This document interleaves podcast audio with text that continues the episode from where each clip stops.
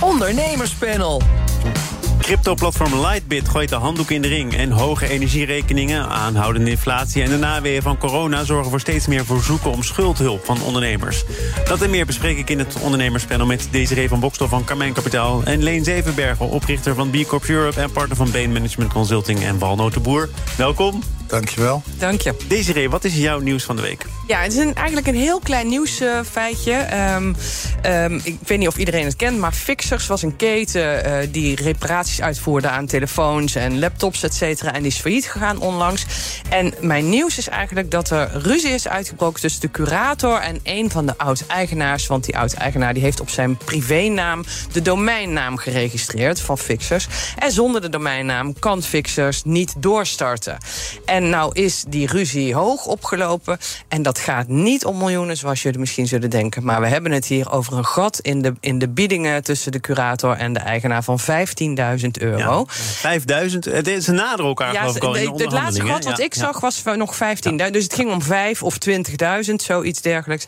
En nou, dat vind ik werkelijk te shocking voor woorden. Maar de advocaat van die investeerder, op wiens naam dus die domeinnaam staat, zegt: de doorstart wordt hier niet door vertraagd, want mijn cliënt vraagt geen absurde bedragen. Nee, Dat, dat is dan toch zo? Dat is al helemaal waar, maar het feit dat hij er überhaupt een bedrag voor vraagt... hè, iemand die zichzelf presenteert als een zeer succes, succesvolle investeerder in start-ups...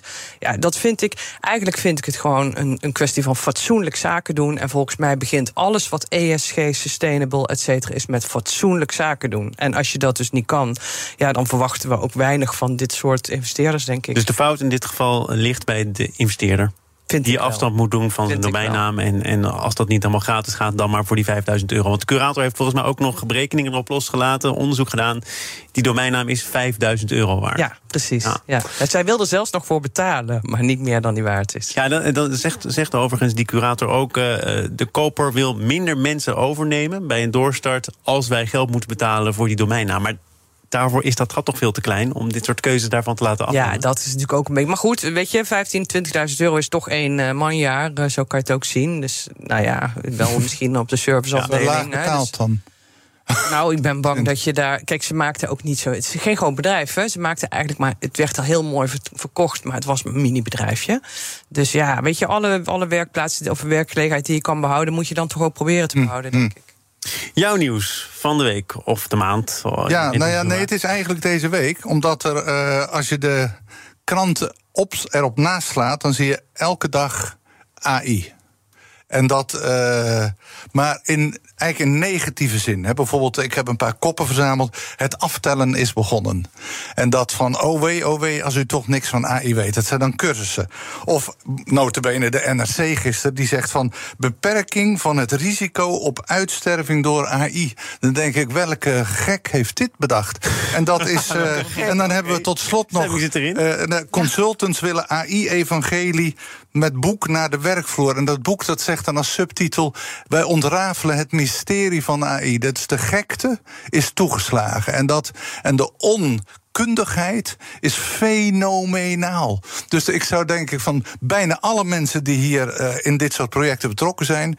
hebben nooit iets gebouwd met behulp van AI-technologie. Dus bijna, er is ook onderzoek naar geweest dat, laten we zeggen, minder dan, dan 10%, misschien 5% van de mensen die het over AI hebben, hebben ooit er iets echt mee gedaan. Ge- gebouwd, gemaakt, met de voeten in de klei Je gestaan. vindt het slap hoer van mensen die eigenlijk niet weten waar ze het over hebben. Heel erg gehouden horen van mensen die er niks van weten. Het zijn pseudo-experts die eens een boek gelezen hebben, die eens naar wat dingen hebben gekeken. En dat, en dat stuit me tegen de borst, dat is het ene. Maar aan de andere Dus kant dat- is het toch ook de juichhaapjes die denken dat AI één grote triomftocht Zo wordt. is het. Dat we precies. Die nemen de woorden uit de mond, eh, Thomas, want dat is de andere kant van het verhaal.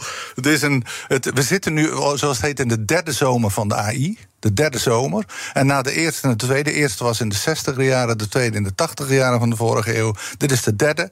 En, die, en dat er wordt enorme beloftes gedaan. Die vallen dadelijk tegen. Dan komen de winter. De derde winter van AI. En de, dus dat is het ene wat er gebeurt. Maar de, de woorden die in 1985 en 84 gebruikt werden bij AI zijn bijna letterlijk dezelfde als nu. De mensheid gaat ten onder. Er gaan heel veel banen verloren. Ook de, nu hebben we het over 25 jaar of meer geleden. Misschien wel 40 jaar geleden. En het, en het wat me ook een beetje tegen de borst uit, het is allemaal negatief over als, AI. als Goldman Sachs, toch een, uh, een, bank met een zekere reputatie, zegt uh, over een aantal jaar hebben 300 miljoen mensen hun baan verloren vanwege AI. Ja. Als IBM nu al zegt, wij gaan eens goed kijken naar wie er bij ons werkt... en of dat allemaal wel nodig is... en of we dat kunnen vervangen door AI, dan is het toch al gaande? Ja, dat, is, dat, dat praten is gaande. Nou, het reorganiseren ook? Nee, maar dat reorganiseren is permanent. Dat hoeft niet alleen per se door AI te komen. En, die, en dat banenverlies en dat reorganiseren... dat hadden we ook in de, in de 80 en 90 jaren van de vorige eeuw. Precies hetzelfde. En dat is eigenlijk logisch, want je moet je aanpassen... aan de ontwikkelende technologie. Dus dat is logisch. Maar er wordt heel veel gepraat. Kijk, als IBM zegt dan heb ik, hecht ik daar meer waarde aan dan als Goldman Sachs dat zegt. En moet je het niet vergelijken met eh, de, de, 25 jaar geleden de komst van, van internet eigenlijk? Hè, toen we internet in de massa gingen gebruiken in ieder geval. Toen zei ze bij ABN AMRO, waar ik toen werkte... van ja, nee joh, mensen blijven altijd naar een kantoor willen. Ja, nu kan je niet meer naar een kantoor. Nee, Dus er is heel veel veranderd. Maar aan de andere kant is ook eigenlijk heel weinig veranderd. Als je goed kijkt naar de rol van een bank. Ja. Is die ja, en je kan ook... Kijk, het, het, de, je kan zeggen, alles wordt een beetje in het negativisme ook benaderd bij dat AI. Want je hebt ook AI for good wat zich richt. Hoe kun je die technologie gebruiken om bijvoorbeeld de oogsten bij kleine boertjes in Ghana te voorspellen? Die boertjes die nu geen idee hebben, die wel allemaal een mobieltje hebben. Hoe kun je die met technologie helpen? Nou, dat zijn positieve trajecten. Hoor je eigenlijk nooit, nooit wat van. En dat komt eigenlijk omdat, je, omdat er zoveel mensen aan het meepraten en blaren zijn die eigenlijk nauwelijks weten waar het over gaat. Dus dat is. Uh, dat, dat, maar dan weet je dus eigenlijk, als jij twee jaar lang geen krant openslaat en in 2025 dan durf je het weer een keer, dan is de hype gaan liggen, dan is de kritiek ook gaan liggen en dan heeft het een normale plek in de samenleving gekregen. Waarschijnlijk. Hm. Net zoals wat jij net zei, Desiree. Ja. We gaan naar uh, hoge energierekeningen. De naweeën van de coronaperiode. Het leidde ertoe dat uh, kleine ZZP'ers en ondernemers zich vaker hebben gemeld bij schuldhulpverleners. Bleek afgelopen woensdag uit het jaarverslag van de branchevereniging van schuldhulpverleners, de NVVK.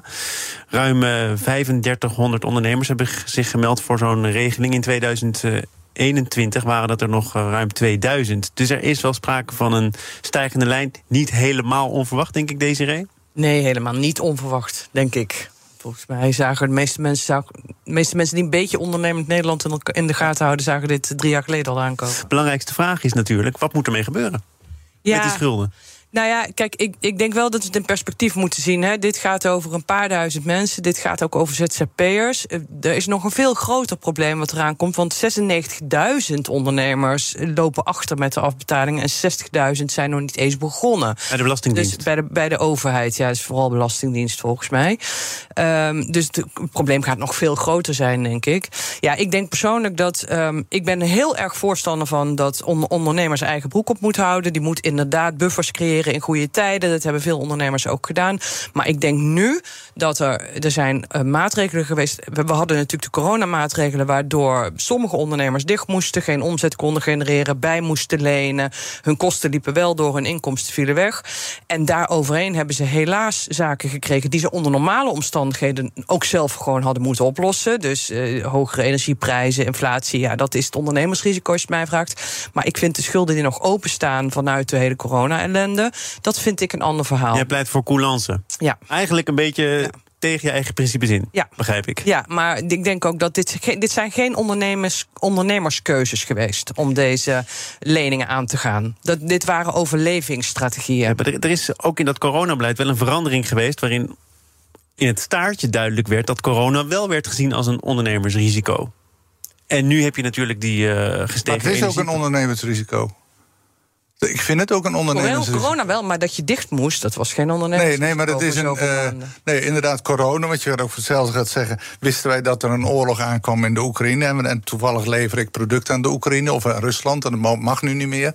Dus er zijn een heleboel dingen.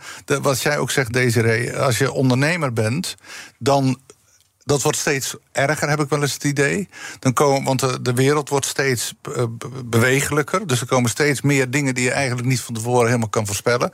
Dus dat ondernemersrisico, wat jij benoemt, dat is. Uh, dat, als je dat niet wil, moet je geen ondernemer worden. En er komen dus allerlei dingen op je af. Hogere energierekeningen. Stel je voor dat je een bedrijf hebt wat een smelterij is voor aluminium. Ja, dan kan je ook dichtgaan. Kan je ook wel steun van aanvragen. Dus ik. De, de, waarom ik aarzel met uh, een reactie hierop is omdat je het, het lijkt erop alsof er bij het minst of geringste wat tegenvalt, dat er onmiddellijk een roep gaat van nu moet de, Ja, overheid. De compensatie. Nu moet er maar nu gecompenseerd is het, het volgende natuurlijk aan de hand. Je kon gebruik maken van die regelingen. Dat werd zelfs aangemoedigd, gestimuleerd om het maar te redden. En dat doet je nu de das om. Nee, bij, niet bij iedereen. Er zijn, er zijn bedrijven die zijn in de lucht gehouden. Die waren anders ook al failliet gegaan. Die zijn er natuurlijk ook. Ja. Dus er is een veel lager aantal faillissementen geweest. Dus als er nu een soort inhaaleffect komt van bedrijven die nu eigenlijk weer op eigen benen staan en die kunnen redden, dat is nog zo Maar erg het gaat niet. wel om serieuze aantallen. Wat deze hier aangeeft, het gaat om, om tienduizenden ondernemers die of een Ja, betalingsachterstand maar er zijn hebben. ook behoorlijke grote aantallen die niet failliet zijn gegaan. Ja, maar in ik denk wel, periode. dat dat gaat zich wel uitkristalliseren. Kijk, je, kan, je moet hier eigenlijk genuanceerd over denken. Maar dat gaat niet lukken, dat weten we. Dat kan de Belastingdienst ook niet met de toeslagenouders, dus dat kan niet. Dus we moeten dit gewoon over één kam scheren, denk ik. En dan moet je nu het volgens mij ondernemend Nederland tegemoetkomen. Want we hebben een heel groot probleem als die 60 of 90.000 bedrijven echt in de problemen komen. En dan ga je vanzelf wel zien op lange termijn, ja, wie gaan het Nou, dan niet maar dan, maar dan gaat het erom, wat ga je ze dan geven? Ja. Wat je net vroeg, Thomas, ga je dan zeggen van we schelden alles kwijt? Daar zou ik geen voorstander van zijn. Of ga je dan zeggen we zijn iets coulanter? Ja. Eh, je krijgt twee jaar meer eh, om eruit te komen. Volgens mij is kwijtschelding eigenlijk ook politiek gezien geen optie. Nee. Om- omdat je dan de Ja, solidariteit maar ik vind ook dat signaal zo verkeerd. Weet je, dan wordt het zo makkelijk, want eh, dan komt er dadelijk weer iets. Ja, een maar nieuw. solidariteit, weet je, we, we hebben ook. De, de HEMA mocht open blijven. En, of de HEMA moest dicht en Albert Heijn moest, mocht open blijven. Toen was er ook geen solidariteit. Hè. Laten we wel zijn, als je daar dan nu nog onder lijdt, vind ik dat ook wel zuur hoor. Het, het instituut voor Dus de jij zou een Ja. voorstander zijn van het Nou, kwijtschelden? ik denk wel een beetje, kijk nou eens naar wat hebben we toen gedaan? Wat, waardoor zijn die schulden in die eerste periode, die eerste twee jaar of zo van die corona, zo enorm uit de hand gelopen bij een aantal ondernemers? Er moet toch iets van een, een algemene conclusie uit te trekken zijn, zou ik denken. Kunnen we daar dan niet iets aan doen? En de bedrijven die dan braaf misschien met geld wat ze geleend hebben wel hebben afbetaald, die Ja, die. gaan het dan terugvragen. Nou ja, nou ja, kijk, dat is weer die nuance, dat is moeilijk, snap ik. Ja. Nee, Volgende dus, onderwerp dan ja, we komen, we moeten komen er niet uit en er moet nog heel Ja. veel gebeuren. BNR Nieuwsradio. Zaken doen. Thomas van Zeil. Gaat hij gewoon nog even door. Maar we gaan het ook hebben over Desiree van Bokstel. heeft 1000 euro in crypto gestopt. Eh, Dat stond toch al op de agenda om te bespreken. Desiree van Bokstel is hier alleen Zevenbergen, leden van het eh, ondernemerspanel. Tien jaar lang was Lightbit een van de grootste Nederlandse crypto-beleggingsplatformen. En nu heeft dat bedrijf besloten de deuren te gaan sluiten en langzaam de activiteiten af te bouwen. Je zou zeggen een crypto-winter. Dat is ook wat eh, de financieel directeur in NRC zei. We zien dat het winter wordt. We moeten steeds meer kosten maken, aan regelgeving voldoen. Eh, toch nog even naar jouw eigen particuliere crypto-avontuur. Want jij dacht, het is winter, ik stap erin. Ja, precies. ja, nee, ja, inderdaad. Ik volg het altijd wel, maar ik had nog nooit belegd. Ik dacht toch vanochtend, nou, laat ik dan ook eens even een accountje openen. Ja. En waarom dacht je dat nu? Nou, omdat ik het eigenlijk ook wil zien. En ehm, ik geloof zelf ook wel in die winter. Maar ik geloof, het- voor mij is het speculeren. Het is inderdaad speculeren. Het is niet, je moet het niet eens beleggen noemen. Nee. Want ja, je kan het eigenlijk niet beleggen noemen. Het is een Nee. beetje afwachten en zien wat er gebeurt. Toch nog even naar die specifieke casus van Lightbit. Want eh, dat zag er tot een tijdje terug hartstikke goed uit. Eh, maar de cryptowereld is volatiel. Het gaat heel snel. En zij zeggen, nou, als je kijkt naar onze cijfers... hadden we het allemaal nog best wel kunnen uitzingen. Zeker een paar jaar. En wie weet, wie dan leeft, die dan zorgt. Maar daar kiezen wij niet voor. Wij gaan niet tot het bittere eind door. Leen, snap jij dat? Nee. En dat, eh, ik snap het niet. En ik heb het geprobeerd te snappen. Want ik dacht, wat zou er nou toch achter zitten? Weet je, en dan zeggen ze van... ja, omdat wij strengere regelgeving hebben in Nederland...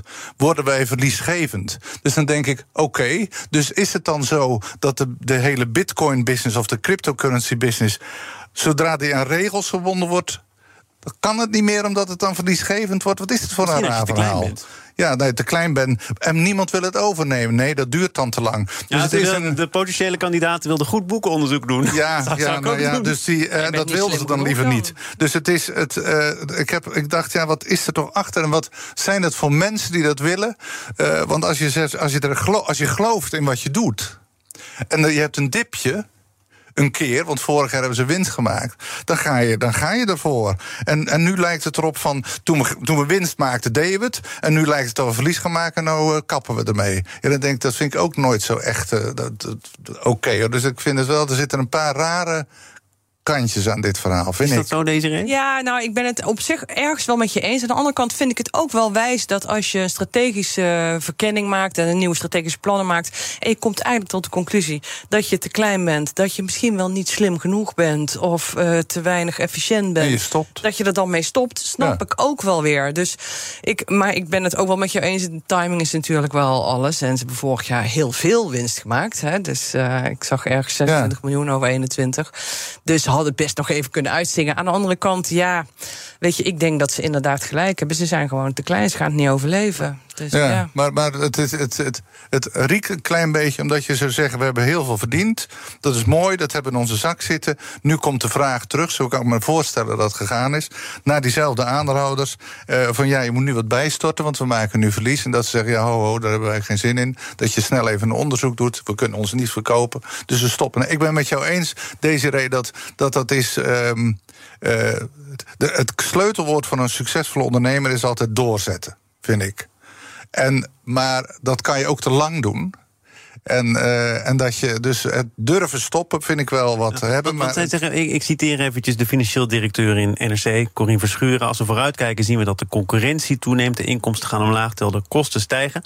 Zeker in het licht van de Europese regelgeving. Het is nog altijd een volatiele, jonge, cowboyachtige markt. Het gaat of helemaal naar de hemel, of er gebeurt niks.